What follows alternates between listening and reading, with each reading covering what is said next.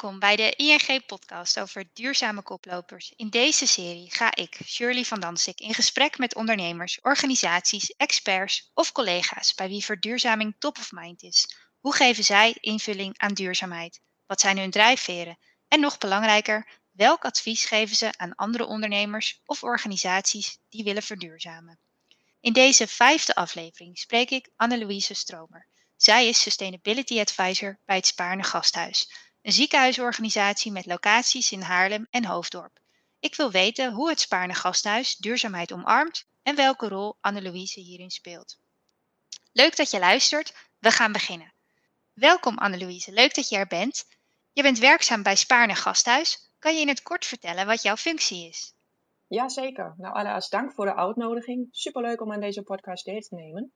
Nou, ik ben een half jaar geleden begonnen bij het uh, Gasthuis als uh, adviseur duurzaamheid. Ik vind het fantastisch om bij deze mooie maatschappelijke organisatie te werken aan verder verduurzaming. Nou, verduurzaming in de zorgsector is ook uh, hard nodig, hè, om wat context te schetsen. 7% van onze nationale CO2-uitstoot komt van de zorg. Nou, en daarmee heeft deze sector toch uh, best een grote klimaatvoetafdruk. Dat, uh, dat, dat kan en dat moet eigenlijk ook echt anders. Hè. En gelukkig zie je ja. dat de sector nu, nu echt in beweging komt. En wat mij betreft was een belangrijke milestone de, de Queen Duurzame Zorg in, uh, in 2018. Dus het begon heel voorzichtig uh, een aantal jaar geleden. Maar ja, uh, duurzaamheid in de zorg krijgt denk ik nu echt een momentum. en even terugkomend op je vraag, hè, wat betreft mijn functie. Nou, als ik mijn functie in, in één zin samen zou moeten vatten, dan is mijn rol het verder verankeren en verder integreren van duurzaamheid in de bedrijfsvoering van het ziekenhuis. Nou, wat betekent dat? Uh, dat betekent dat duurzaamheid zoveel mogelijk is vervlochten in de manier van denken en handelen binnen de organisatie. Dus je kunt een beetje zien als de aandrijvende kracht uh, binnen het ziekenhuis om onze lange termijn duurzaamheidsambities te realiseren. Denk aan thema's zoals uh, circulariteit en CO2-reductie. Nou, daar hebben we toch ambitieuze doelen geformuleerd voor 2030 en daar willen we zo goed en zo snel mogelijk naartoe werken. En hiervoor is ook veel samenwerking nodig hè, tussen de zorgafdeling en de ondersteunende afdeling, eh, zoals eh, logistiek. Nou, en uit deze samenwerking komen dan ook weer mooie ideeën uh, hoe we verder kunnen, kunnen verduurzamen. Dus samen met die afdeling uh, initieer ik duurzaamheidsprojecten. Ik moet dan daar kijken en ervoor zorgen dat al deze initiatieven weer goed bij elkaar komen en, en een bijdrage leveren aan onze lange termijn duurzaamheidsambitie. Daar gaat het dan uiteindelijk ook om. En je komt dan ook nog een stukje meten bij kijken, want, want ja, pas, pas als je um, goed je uh, duurzaamheidswinst uh, in kaart kunt brengen, dan kun je ook goed op sturen. Ja, zeker. Duidelijk. Nou, interessante rol zo te horen. Uh, wat doen jullie aan verduurzaming bij Spaarne Gasthuis? ja, wat staat er centraal in jullie duurzaamheidsbeleid? Kan je daar wat meer over vertellen? Ja, nou in 2018 hebben wij de Green Deal Duurzame Zorg ondertekend. Nou, en daarmee hebben we ons uh, gecommitteerd aan de vier duurzaamheidsthema's van de Green Deal. En die staan dan ook weer centraal in ons duurzaamheidsbeleid. Dus nou, wat zijn nou die vier thema's? Uh, ten eerste, heel belangrijk, CO2-reductie. Nou, een ziekenhuis heeft veel energie nodig. Daarmee kun je een hele wijk verwarmen en met, uh, met stroom verzorgen. Dus dat is een energiegrootverbruiker. Maar als je naar een klimaatvoetafdruk van een, van een ziekenhuis kijkt, is het niet alleen je energieverbruik, maar zijn er nog andere thema's die daar een uh, belangrijke bijdrage aan hebben? Hè? Dat zijn uh, bijvoorbeeld de reisbeweging van en naar het ziekenhuis. Maar het zijn ook de indirecte emissies in de keten, hè, waar je weer uh, invloed op hebt met je inkoop. En daar, daar, is onderzoek naar gedaan en daar kwam naar voren dat een grote bijdrage aan je, nou, aan je CO2-uitstoot je geneesmiddelen hebben. Dus dat is één, hè? je klimaatvoetafdruk, daar zijn we mee bezig. En het tweede grote thema is uh, meer circulariteit. Dus af van het lineaire model, af van uh, produceren, uh, gebruiken, weggooien naar het circulaire model.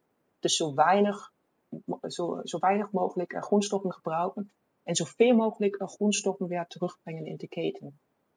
Nou, op dit moment hebben we nog een uh, best grote afvalberg uit het uh, ziekenhuis. En dat komt uh, omdat we ook nog veel met wegwerpmateriaal werken. Hè? wegens infectiepreventie en ook strenge hygiëneregels. ja, dat is natuurlijk heel belangrijk. Ja, ja, ja zeker. Dus daar is weer enigszins een conflict. Dus wij moeten goed ja. onderzoeken per product, per productgroep, kunnen we teruggaan naar hergebruik? Of is er een duurzame wegwerpvariant? Nou, dat is het tweede thema. het derde grote thema is gezondmakende leefomgeving. Denk aan meer vergroening bij het ziekenhuis. En dat is een thema waar we met name bezig zijn voor onze nieuwbouw. Nou, en tenslotte minder medicijnresten in het afvalwater. Dat is een thema wat steeds meer aandacht krijgt. Nou, wat is, wat is het probleem? Het probleem is dat uh, medicijnresten die uh, afkomstig zijn van huishoudens en zorginstellingen onvoldoende worden afgebroken door houd, huidige waterzuiveringstechnieken. dus er komen medicijnresten in, in, het water. en die blijven in het water. En dat wil je natuurlijk niet. Hè? Om een voorbeeld te noemen, hormoonverstorende stoffen, antibiotica. Nou, antibiotica kunnen wel zorgen voor antibiotica-resistentie. Nou, dat wil je echt niet.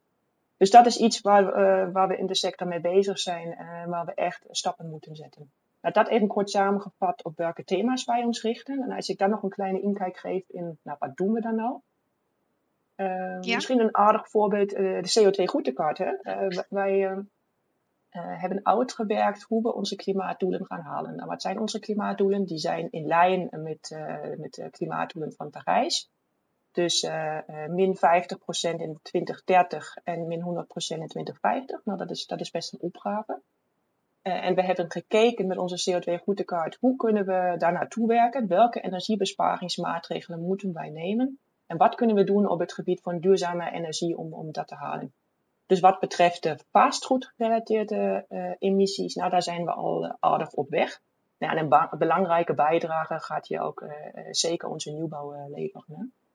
Want die gaan we zo, zo energiezuinig als mogelijk neerzetten. Nou, een ander mooi voorbeeld zijn anesthetica op de OK. narcosegassen zijn sterke broeikasgassen, vele malen sterker dan CO2. En onze vakgroep uh, anesthesie, uh, die is er heel bewust mee bezig uh, met de footprint van narcosegassen. En zij zetten deze gassen ook alleen maar in als er geen gelijkwaardig alternatief is. Maar in vele gevallen is er gewoon een gelijkwaardig alternatief. En dan kun je zo flink wat CO2-equivalent uh, besparen. Dus dat, uh, dat is uh, En is mooi. dat, is dat iets nieuws? Is dat iets nieuws? Lopen jullie daarin voorop? Of merk je dat andere ziekenhuizen dat ook oppakken en daar kritisch naar kijken? Nou, voor ons is het niks nieuws, omdat onze vakgroep er echt heel bewust mee bezig is, al een tijdje. Ja. Maar daar zijn ook andere ziekenhuizen die, die hier naar kijken. Maar als je naar de hele sector kijkt, dan is dat wel een thema. Of het zou mooi zijn als elk ziekenhuis zo bewust mee omgaat hè, met die narcosegassen. Ja, zeker. Ja. Um, nou, afvalscheiding, hè, daar zijn we zeker ook mee bezig. Dat doen we al voor een aantal afvalstromen, voor een aantal uh, plastics. Hè. Denk aan PPD, wat je thuis scheidt, voor PET, uh, polypropyleen. Maar we zijn er nog niet in onze recyclingpercentage, die, die moet zeker, zeker omhoog. Um, nou, en dan nog ook aardig om te noemen, we hebben sinds kort een duurzaam inkoopbeleid. En dat betekent dat wij de duurzaamheidscriteria standaard gaan meenemen bij inkooptrajecten. Dus we proberen zoveel mogelijk te sturen op duurzame producten. Um, wat we veel doen is aan de achterkant kijken, wat kun je scheiden, wat kun je laten recyclen. Maar het is net zo belangrijk dat je aan de voorkant kijkt. Koop je producten die überhaupt recyclebaar zijn. koop je producten die uit gerecycled materiaal zijn. Dus daar willen we steeds meer op sturen. Dus om even een kleine indruk te geven waar we, waar we al mee bezig zijn. Ja, heel veel komt er al voorbij. Hartstikke goed. Um, ik ben ook wel benieuwd uh, hoe jullie medewerkers uh, meenemen, want die zijn uiteindelijk ook ja, onmisbaar in de executie. Uh, hoe brengen jullie duurzaamheid onder de aandacht bij hen? Nou, helemaal mee, helemaal mee eens. de betrokkenheid van medewerkers bij dit thema is ontzettend belangrijk. dat, ja. Want als we allemaal doen wat, wat in ons circle of influence ligt, dan, dan kunnen we elkaar versterken en dan kunnen we ook veel sneller stappen zetten. Nou, we proberen eigenlijk op een uh, aantal manieren de aandacht bij medewerkers te vragen. Eentje daarvan is dat wij medewerkers zoveel mogelijk uitnodigen om, om met ideeën te komen. Nou, dat denk ik is een mooi voorbeeld. We hebben twee maanden geleden de, de Week van de Duurzaamheid georganiseerd in ons ziekenhuis. En uh, onderdeel daarvan was uh, een afvalreductie-challenge. Daar hebben we de oproep gedaan, deel je uh, afvalreductie-idee. Nou, daar kwamen toch mooie ideeën naar voren. En, en die zijn we nu aan het, aan het uitwerken. En wat ook erg motiverend werkt voor medewerkers, is wat mij betreft het meetbaar maken van je duurzaamheidswinst. Nou, collega's gaan enthousiast aan de slag, zijn bezig met duurzaamheidsinitiatieven. Dan wil je toch ook het resultaat zien. En, en dan wil je zien hoeveel afval heb je daarmee bespaard, hoeveel CO2-reductie heb je gerealiseerd. Dus maak het meetbaar. Het is niet altijd makkelijk. Um, want ja, soms kan het best ingewikkeld zijn om de hele keten van een product te volgen, om dat goed inzichtelijk te maken. Ja, en daarnaast heb je al deze inzichten, die heb je ook nodig om zinvolle en gedragen beslissingen nemen te kunnen hè, op het gebied van, van duurzaamheid. Dus zeker heel goed om dat te doen. Nou, en tenslotte geloof ik ook heilig in dat als je collega's vanuit verschillende disciplines bij elkaar brengt, dat er ook weer mooie ideeën kunnen ontstaan en dat je, dat je dan ook veel grotere stappen kunt zetten. Ja, zeker elkaar inspireren. Als we het dan hebben over resultaat, uh, waar willen jullie dan uh, uiteindelijk naartoe? Hè? Wat wil het Spaarne Gasthuis in nou, 2030 hebben bereikt? Nou, ons primaire doel uit het ziekenhuis is de beste zorg leveren voor onze patiënten. Hè? Daar zijn we van en dat is ons bestaansrecht. Maar alles wat wij kunnen doen binnen de mogelijkheden die we hebben om een bijdrage te leveren aan duurzaamheid, zullen we proberen aan te grijpen. Dus als je me vraagt, waar willen we naartoe? Nou, dan is dat de beste zorg met de kleinste ecologische voetafdruk. En die kleinste ecologische voetafdruk, die hebben we weer dan uh, uitgewerkt in ons meerjarenprogramma Duurzaamheid. En in dat programma hebben we voor al die vier thema's die ik aan het begin uh, noemde, hebben we subdoelen uh, geformuleerd en gekwantificeerd waar we willen staan in, in 2030. Maar ons overkoepelende ambitie is de beste zorg met de kleinste ecologische voetafdruk. Ja, mooi. Uh, en wat gaat de patiënt daar eigenlijk van merken? Want communiceren jullie uh, naar buiten toe over duurzaamheid? En welke stappen jullie daarin zetten? Of houden jullie dat wat meer op de achtergrond? Nou, op dit moment communiceren we nog uh, relatief weinig naar buiten toe. Hoewel we op het gebied van duurzaamheid eigenlijk al best wat doen. Nou, dat kan zeker beter en hier willen we ook echt verandering uh, in brengen. En sowieso denk ik dat voor een ziekenhuis transparantie over duurzaamheid heel waardevol is. Niet alleen richting je eigen medewerkers, maar, maar juist ook voor patiënten. En, en zeker ook voor potentiële nieuwe collega's. Want het is toch iets waarmee je kunt onderscheiden van, van andere ziekenhuizen. En als je naar de jongere generaties kijkt, hè, zie je dat het punt, wat doe je als werkgever op het gebied van duurzaamheid, dat het steeds belangrijker wordt. Maar om nog terug te komen, ja, maar om terug te komen op je vragen, uh, wat, wat gaat de patiënt uh, daar eigenlijk van merken? Nou, ons primaire doel, uh, zoals ik al net zei, blijft natuurlijk de beste zorg leveren. Hè? en ik denk dat dat voor veel patiënten ook het belangrijkste aspect is.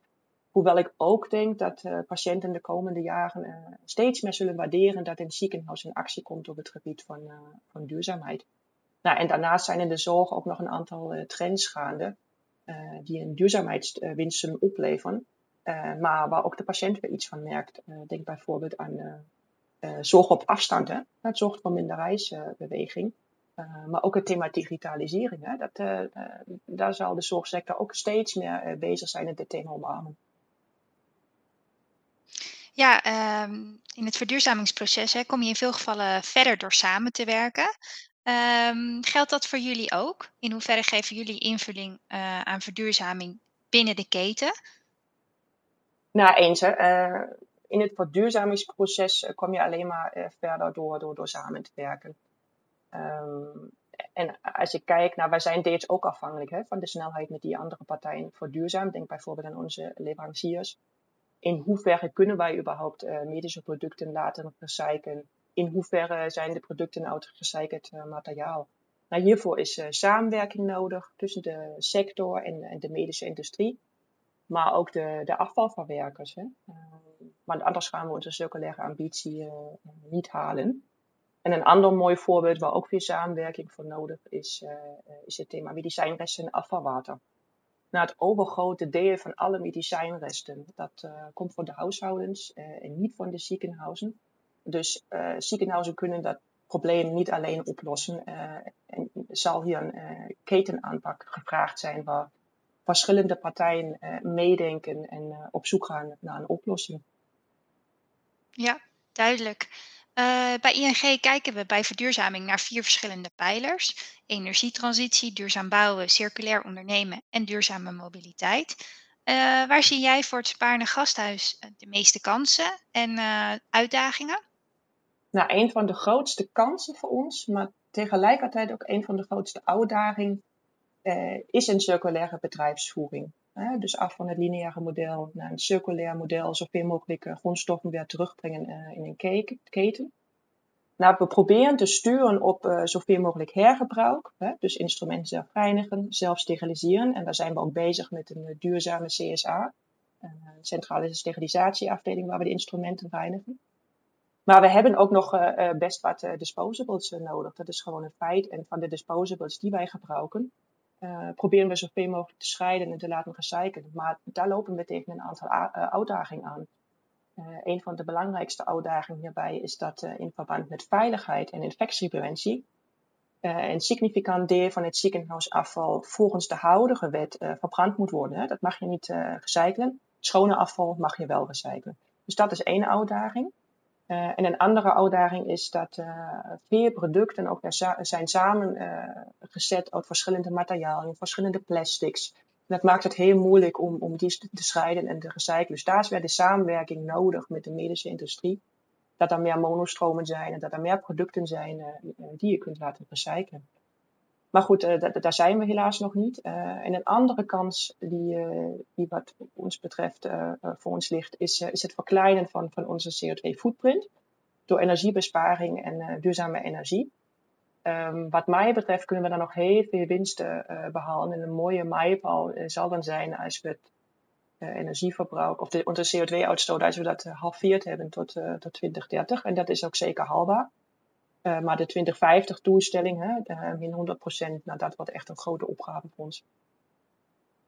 Ja. Um, tot slot, met deze podcastserie wil ik graag andere ondernemers, bestuurders of organisaties inspireren om met verduurzaming aan de slag te gaan of juist te versnellen. Uh, welk advies zou jij aan andere zorgorganisaties mee willen geven?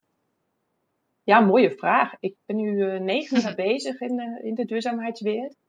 Uh, en wat ik in al die jaren uh, heb gezien, is dat het bij de integratie van duurzaamheid in de bedrijfsvoering een paar aspecten uh, heel belangrijk zijn, wat mij betreft.